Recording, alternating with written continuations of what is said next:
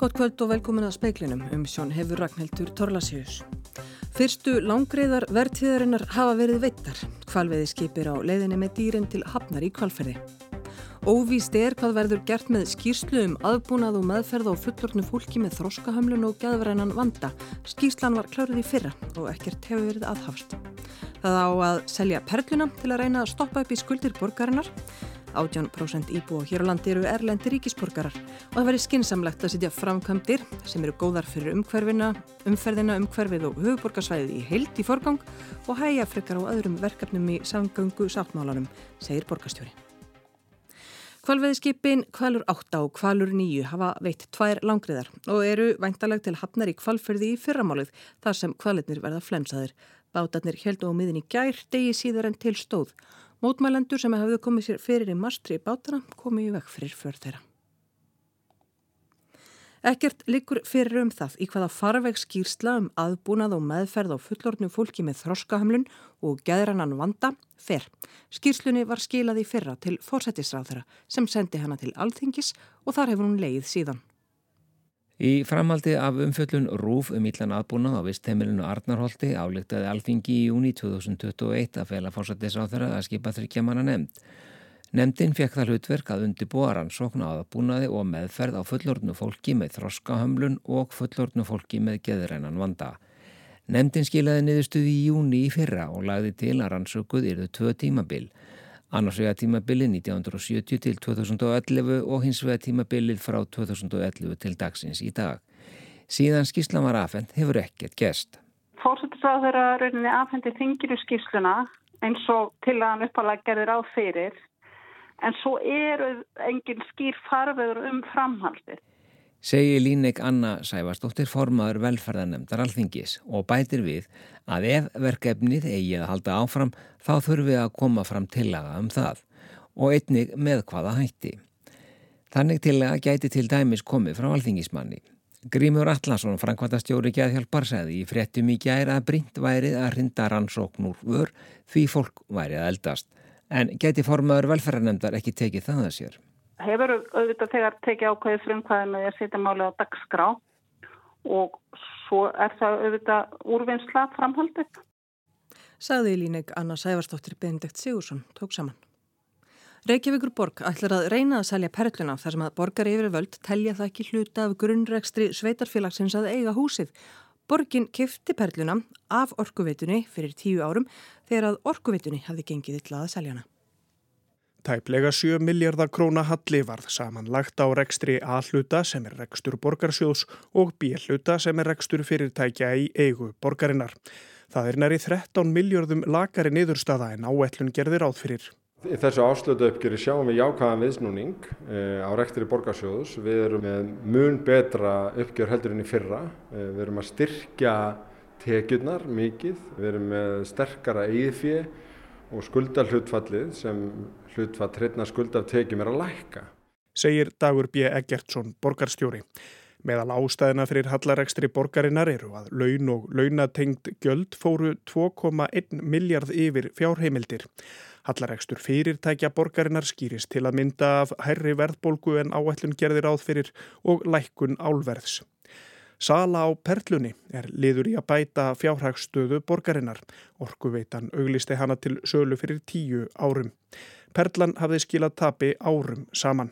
En okkur hefur tekist að snúa því við, erum núna eftir auðlýsingum með sterkan leiðjanda og tekjurnar skila sér í, í hverju mánuði. Þannig að núna teljum við tímabært að, að selja þessa fasteign vegna þess að rétt eins og orkuveitan teljum við að ekki hluta grunnrekstri borgarinnar að að eiga þessa síningaraðstöðu og veitingastað. Segir Dagur. Hann útilokar ekki sölu á fleiri fastegnum. Robert Jóhansson tók saman. Stjórnlagadómstóli í Fraklandi hefur úrskurðað að stjórnvöldum sé heimilt að banna skólastúlkum að klæðast að bæjakjólum sem týðkast hjá múslimum í ríkisregnum skólum landsins. Það sé samræmi við lög sem banna öll trúartaknu í skólum. Stjórnlega domstólinn tók sér tvo daga til að leggja mat á lögbanskröfun áður en henni var hafnað. Domstólinn segir að þær sem klæðast að bæja staðfesti þannig trú sína. Ákverðum domstólsins byggist á frönskum lögum sem leifi engum trúartáknum að sjást í skólum. Bannstjórnvalda valdi ekki alvarlegum eða augljósum lagalegum skada á virðingu fyrir engalífi trúfrelsi, réttinum til mentunar, velferð barna eða meginreglunni um að fólki skuli ekki mismunað. Betra skólastarf er kvatinað sammenningu framhaldsskóla, segir formaður stýrihópsum sammenningu en ekki fjárhagsleg hafræðing.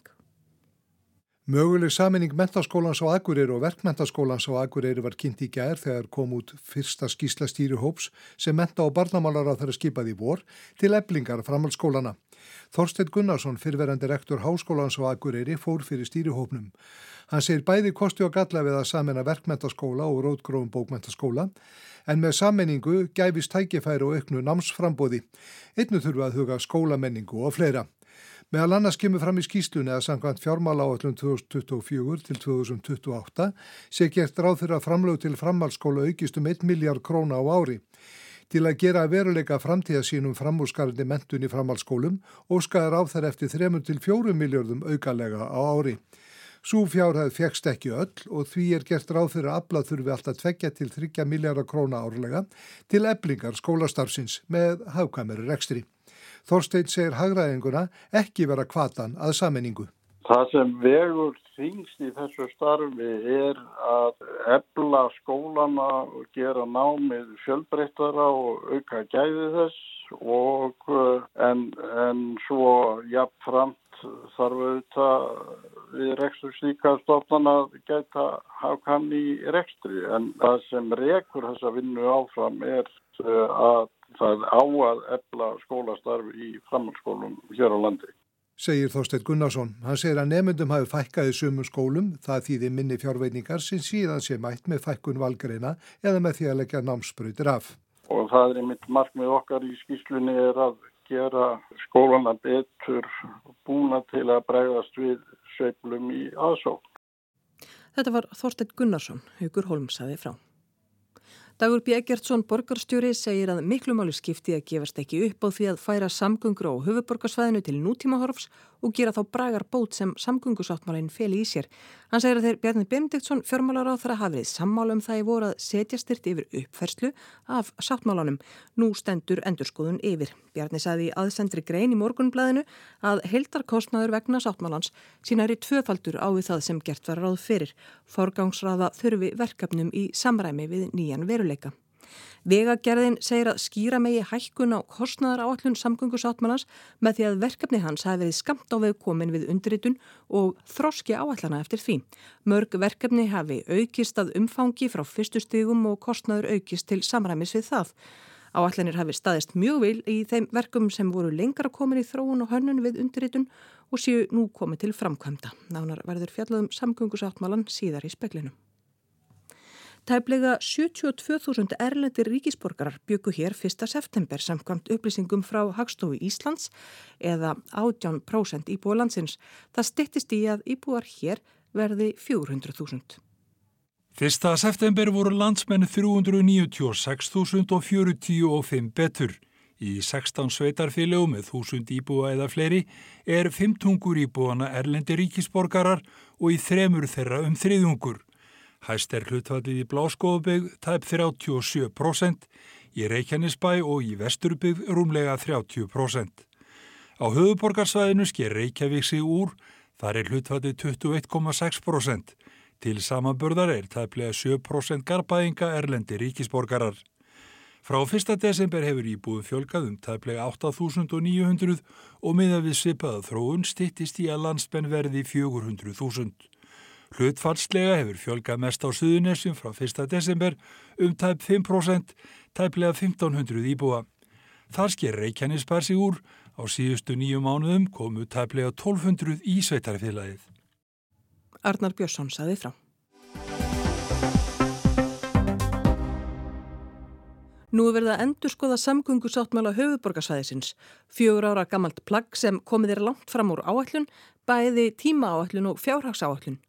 Hvað verður úr? Verða verkefni slegin af, hættu við eitthvað eða teikt á áalluninni, peningamálinn endurhugsuð? Hvað er búið að gera og hvað er eftir? Speilin skoðar málið. En hverfum aftur til septembermánaðar 2019 og gefum Arnari Páli hugsinni fréttamanni orðið. Samgönguna sveitarfélagun og höfuborgarsvæðinu og ríkisins um 120 miljardar samgöngu framkvæmdir á næstu 15 árum var undir í dag í dag. Röskum 50 miljardum króna verður varið til eblingar stoppvega, 50 miljardum í borgarlínu og rúmum 8 miljardum í gungu og hjólastíga og fleira og 7 miljardum í bætta umferðarstýringu.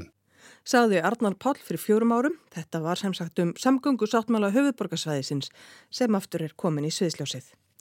Hlutur ríkisins átt að verða 45 miljardar króna og sveitarfélagana 15 miljardar. 60 miljardar átt að afla með sérstakri fjármögnun. Hún átti og á meðal annars að felast í endurskoðun gjalda af aukutækjum og umferði í tengslum við orkuskipti eða með beinum framlegum við sölu á eigum ríkisins.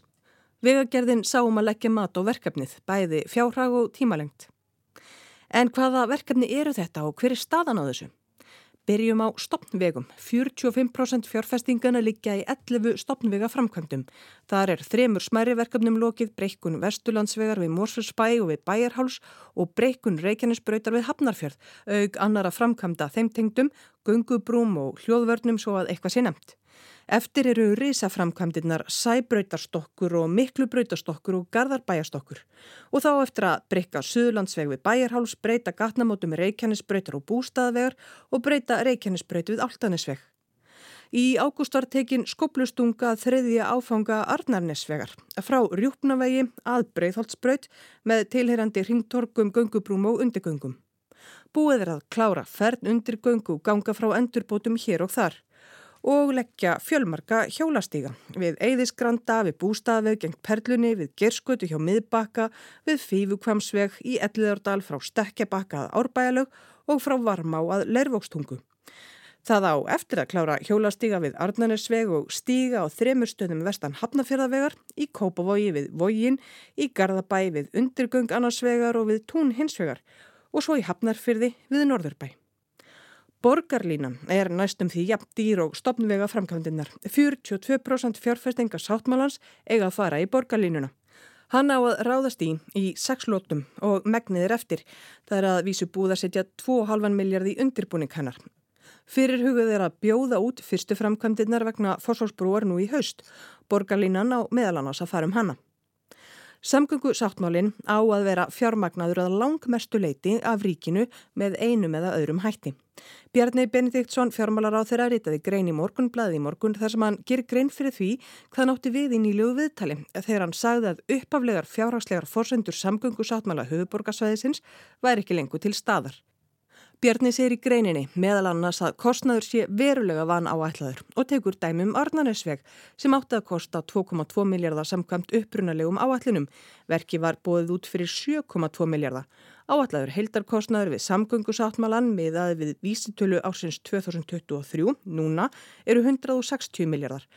Búast má við að þessi kostnaður endi í 260 miljardum sé keldnaland tekið með í rekningin en það er mikilvægur hluti af framlægi ríkisins til verkefnisins.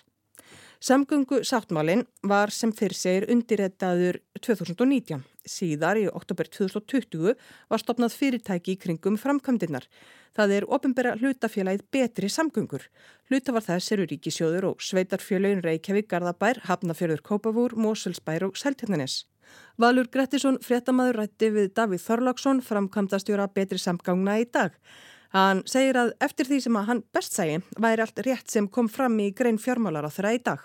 Það likur fyrir annars vegar að verðlega hefur hækkað mjög mikið og hins vegar að uppalega áallanir sanguðsatnvars frá 2019 voru verulega vana áallar eða voru nokkuð vana áallar. Þetta er sjálfsvegs ástæðan fyrir því að það var ákveðið mars að ríkið og sveitafélagin sem eiga sanguðsatnvalan saman ákvaða hefja þá vinnu að uppfæra satmálan og svo vinna hefur staðið yfir síðan þá og það er markmið hjá þeim að klára það í núna í oktober eða nógumber. Og þegar því er lokið, eh, býrstu við því, hann talar um það sjálfur á fjármjörðáður að hann hafi lagt áherslu á að sáttmanni verið endurskoðaður. Það er hægt að skilja þessi svo að kannski gríð, ríkið skil, vilji breyta forsendum eða hva, hvernig má, má maður skilja það? Ég, ég skilja þannig að, að mann vilji fá uppfarar og betri og áræðanlegri áallanir sem eru núna líka fyrir, eru komnar til ríkisins og sveitufélagana og á þeim grundinni taka ákvörðunum það hvernig mann halda áfram. Hvað vilja mann hækka tekjur eða vilja mann skera niður eða vilja mann lengja í sáttmálanum til þess að brúa bílið sem halda myndast. Og það er bara verkefni stjórnmálamann núna að taka ákvörðunum þetta hvernig mann vilja leysa þetta til þess að halda áfram. En ég held að sé velhægt að halda áfram með verkefnin án þess að þau eru að koma til hærri framlög frá eigandunum. Ég held að sjá þessi bara í rekstur sveitafélagana og opuru fjármálum og það sé ekki mikið sögurum til þess að bæta í þarna og ég held að það sé alveg hægt að halda þessu áfram til dæmis með því að segja einhverjum framkvæmdum og svo sjáum við fram á það að þegar hluti af fjármálunni kemur frá keldanandinu sem ríkið lagði inn til okkar og við sjáum fram á það að það munir skila talsveit meiri verðmætti heldur en gert var á fyrir upphæði. Ráður hann talar einmitt um það að það þurfa forgangsraða verkefnum í samræmi við nýjan veruleika. Má vera að einhverjum verkefnum verið slegið á frest eða eitthvað slikt og ef svo er þá mörg ár, ára tíu, þetta tekur náttúrulega tölverða tíma. Þetta tekur tíma, það eru fjögur ár búin af þessum 15 ára sáttmála, honum á að ljúka 2032 og þetta eru margt verkefni sem taka tíma og rauninni hafa þau tekið lengur tíma heldur en sáttmálinn gerir ráð fyrir. Við erum ekki komið að blátt þessu sáttmálinn gerir ráð fyrir því að það voru ekki bara já, kostnaráallanir sem voru vanmetnar heldur líka tímaáallanir. Því að þessi verkefni voru eiginlega öll á algjöru byrjlastígi þegar sáttmáli var undirritaður og bara já, hönnun, skipilagsferðli, framkvæmdir, þetta tekur allt tíma. Svo nefndi á þann að einn möguleikin er að taka einhver verkefni og fresta þeim þannig til eftir að sáttmála tímpunum líkur 2032. Kannski að búa til nýjan sáttmála þá eða framlengja þennan sáttmála um einhver nokkur ár. Þegar kemur að breytum fórsendum, dæmi sem að nefnir sjálfur í greininni er að Arnarnesvegur hafa áallanir um 2,2 miljardar í kostnað en komin, í úbúði vegagerðarinn komið fram að vera 7,2 miljardar. Er þetta framúrkersla eða er þetta van áallinu upphafi eða er þetta eðlert svigrum sem þarna er til staðar? Þegar að verkefni eru bara á frumsti í að undirbúningur eru að hefjast þá vita menn minn, minna um það hvernig þeim eru að líta út og þá, þá hvað þau kosta. Þannig að það er sjálfsveit eðlegt ferli að, að kostnaði breytist mjög mikið þegar að hönnun að vinna hefst og þegar menn vita nákvæmlega hvernig mann ekki lítur út. Og svo er þetta líka þannig að á síðustu árum þá hafa kröfur verið að aukast, öryggiskröfur og líka bara kröfur almennings þarna til dæmis með Arnarsveginum verða, verða mjög öflugt hjólastíðanett. Það betur engum í hug lengur að lengja stoppveg á þess að það séu mjög góðir hjóla göngustíðar þar mhm. með. Þetta er líka bara þannig að við erum að fá meiri gæði út úr hlutunum heldur en kannski menn hefur gert ef þessi framkvæmt hefur gert fyrir 10-20 ára síðan. Þannig að það er ekki þannig að einstakar verkefni er að keira upp kostnað hér eða eitthvað slíkt. Ég meina, menn tala auðvitað oft um borgarlínuna og hún stýr og svo framvegis. Er, er eitthvað sökundólkur í þessu regnistæmi eða? Við hjá Petur Sangungum sem að tökja til starfa 2021, tveimur árum eftir að sáttmálinn er undirritaður, hefum lagt áherslu á það að nota alþjóðlega viðkjöndar og samrændar aðferðir við áallangerð og það er gera meðlans ráð fyrir því að það sé frá upphafi mjög mikið sett í óvissu. Þá kannski byrsta menn tölur á bíli en ekki bara eina tölu fyrir hvert verkefni. Þannig að ef minn hefði gert þetta þannig og áhættu greitt þetta í upphafi þá hefði, hefði mann gefið upp kannski aðrar og harri tölur frá upphafi heldur en hvað gerst þarna. Þá hefði mann kannski farið með bæði og opinn algjörlega inn í verkefnin. En þá er kannski svona einu augljósa spurning. Erum við að horfa fram á að, að samgöngusáttmanni sé að breytast? Er hann að fara að taka einhverju drama, dramatískum breytingum ef svo má orðið komast? Það er stjórnmálumannuna að ákveða en ég hef ekki orðið varfið að í þeim samtölum sem ég hef átt við þau eða bara lesið það sem þau hafa sagt í fjölmjölum. Ég hef bara séð það eins og Bjarni segir í morgun að það sé nöðsulegt að uppara áallanir og endurstilla hlutina í ljósi þessara varnaállunar og þessara verðlagsbreytingar sem hafa orðið. En að það verði einhverja dramatíska breytingar, það sé ekki fyrir mér einhverja stefnubreytingar á því á sáttmálunum sem snýst fyrst og fremst um það að greiða götu allra ferðamáta. Ég, ég hef ekki varfið það að einhver vilji hverfa frá þeirri stefnu. Já, ráþæran er ekki að búa það í greininni eða hvað? Nei, ég hef ekki skilað þannig, hvorki í greininni bara í þessum samfélagum sem ég hef áttuðan. Þetta var Davíð Þorláksson, framkvæmdastjóri betri samgangna, hins opimbera hlutafélags sem fer með framkvæmdirnar fyrir höndir ríkis og sveitafélagan á höfuborgarsvæðinu.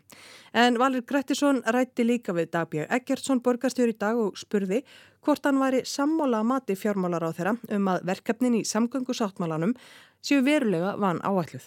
Já, við vorum sammála um það í vor að það veri fylsta ástæða til að setjast yfir uppfæslu á sáttmálunum meðal annars vegna þess að frumkostnaðamatið reyndist ekki fullnægandi þegar að hönnunin var lengra kominn Okkur sínist það hins vegar líka gilda um samgöngufrænkvæmdur um land allt.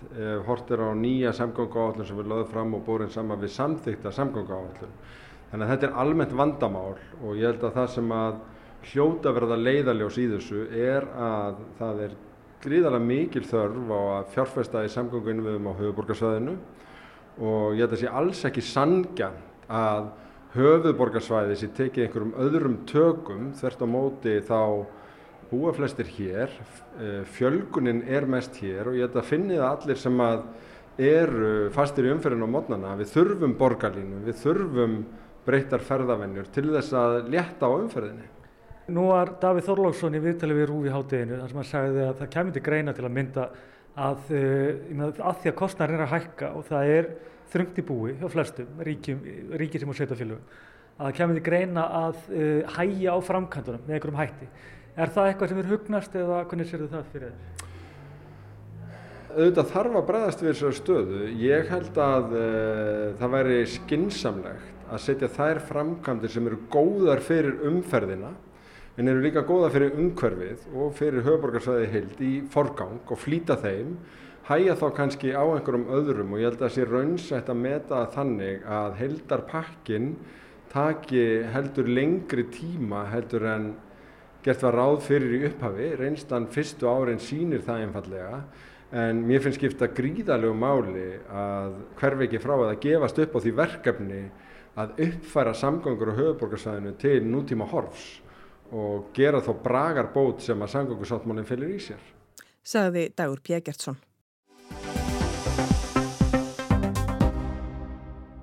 Eftirspurn eftir rámagn er mikil og margir um hittuna. Nótkun heimila er þó ekki stór bit af þessari köku, um 5%. Hallarhund Lógadóttir, orkumálastjóri, telur samt að tryggjaverði raforku öryggi almennings í lögum. Eins verða vera skýrta aukist orku frambóð, rati það í orku skiptin. Þau eru flókiverkefni sem stýrist meðal annars af því hver hratt gengur að innliða tækni. Við erum komin lengst hvað varðar orku skipti á landi eins og við sjáum bara á örri rafbílaþróun. Eh, nú veru hátt í 70% nýskráninga bíla á, á þessu áreik fyrir almenning og vennileg fyrirtæki voru hreinir rafbílar þannig að það er ímslegt að gerast þar. Þegar við horfum orkuþörfina þá er það, er það skipin okkar og svo flögið. Þar í raunavöru skiptir máli hversu rætt umbreyting skipaflótans verður eftir því stýris hversu miklu orku þarf. Þannig að allt helst þetta í hendur. En ég myndi segja stóra markmiði hvað Ísland varðar er að setja fókusi núna á það að klára orkuskiptun á landi, það sem að orkuþörun er tildulega lítil og, og tæknin er algjörlega þekkt og að fókusera sérstaklega á skipaflótan því að þetta eru þeir póstar sem að við berum beina ábyrð á og þarna er ef við horfum á svona kannski heildar orkuþör með að við tæknina í dag, þetta er ekki nema kannski 30% af því heildar mengi. Löggefin verður að tryggja raforku öryggi almeng sem gerði ekki nú en gerði það áður. Það er auðvitað líkil mál hvers samfélags að slík grunn þjónusta sé alltaf fyrir hendi og það var þannig í lögum til 2003 að landsyrkjum bar til dæmis bara ábyrða raforku öryggi almennings Síðan var það afnumið þegar við förum að breyta regluverkinu og orkustofnun hefur lagt mikla áslá að þessu sé breytt. Við þurfum að styrkja lögjöf fyrir almenning og góðu fréttin er að ráð þeirra hefur verið öll talsmaður þess líka. Það er áhugavert að ert að tala um sáttina að sjá hversu mikil sátta er á pólitiska sviðinu um þetta mál. Bæði í álíktunum sjálfstæðsflokks og vinstri græna núna frá nýjafstöðunum flokkstingum er tala sérstaklega um að þetta þurfi að bæta. Almenningur getur orðu undir í samkjafni um raforku eða til dæmis aðrir kaupendur, stóriðja eða, eða aðrir ákveða eða vilja borga herra verð fyrir raforkuna og það er auðvitað algjörlega ólíðandi ástand bæði upp á orku öryggi en líka upp á verðsveiflur því að það að hafa ekki tryggða rávorku fyrir þannan eh, mikilvæga kjarnahóp þýðir líka að, að þegar það getur orðið skortur að þá hefur það líka áhrif að verð. Orkuverð víða í Evropu hækkaði mikið í kjölfári innrása rúsa í Ukrænu. Áhrif að verð hækkunum á gasi og olju mikil. Að þessu spratt mikil olga, jafnvel í Noregi þar sem orkuverði sveiplaðist mikið. Það er í raun og veru þess vegna sem að Evrópa hefur og eftir auðvitað áhrif átakana í Ukrænu og orkukrísuna sett miklu meiri áslað það í lögjöf. Það eru til tæki og tól til þess reynlega að passa upp á heimilinn í hverju landi fyrir sig. Þetta eru lögjöf sem við þurfum að einlega hér sömu leiðis til þess aftur að tryggja stöðuleika bæði í frambóður áorku fyrir þennan litla hóp. Við erum bara að tala um 5% af heildar orku nótkun hér á landi og aftur líka horfa á stöðuleika í verði. Þetta er mikið hagsmannamál í heildina fyrir heimilin og enda er ráorkan eitthvað sem við stólum öll á. Orku þörfin er rík, sókn eftir vatni og landi líka. Spurningar um hvernig að vega og metta sjónamið í umhverfisvend og lofslagsmálum verða að í brýtni. Orkustofnun kemur að nýtingu orku, vass og jarðefna og það skiptir miklu að nýta auðlindir með sjálfbærum hætti.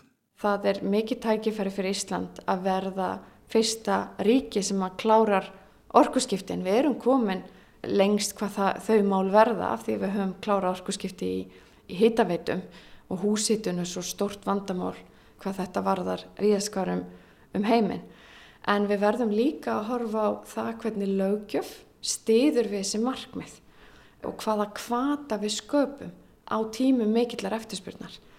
Og vegna þess að þegar eftirspurn eins og núna eftir rafarkuðu mikil að þá eru margir ólíkir kaupendur og kerfið okkur í dag, lagagerðin, hefur breyst mikið. Það er ekki sjálf gefið að fleiri virkjanir leiði til beitins árangus í orkuskiptum. Það eru bara svo margir kaupendur á orkunni. Þannig að stóra, kannski flókna spurningin sem að þarf að horfa á er hvernig við sköpum hvata til að orkan rati að hluta í þessi mikilvægu þverrpolítisku lögböndnu markmið ásamt því að styðja við heilbrytt atvinnulíf um all land. Þetta er líkil spurning þegar við erum að horfa á áframhaldandi nýtingu, þegar við erum að horfa á besta kerfin okkar og, og svo framvegis. Því að við sjáum að það er raun áhætta að orkan fari í verkefni sem kannski ekki er í takt í lögbundin markmið sem að stofnunir eins og orkustofnun er alltaf að horfa á. Þú segir hægt á því, hvað ert að hugsa um þá? Getur þú nefnt með dæmi? Það er í raun að veru auðvelt að horfa bara því hún nefndir Noreg áðan að það hafa um 70% af orku sem kemur frá nýjum vindorkuverum þar í landi hefur farið til stækkunar stóriðju, álvera eðlilega því þetta eru kaupendur sem að borga gott verð og til lengri tíma en á sama tíma þá kannski minna sem fer í annað eins og orkuskipti sem eru kannski meiri óvisa oft um hver þróunin verður, þetta eru fjölbryttari hópur, kaupenda og svo framvegs.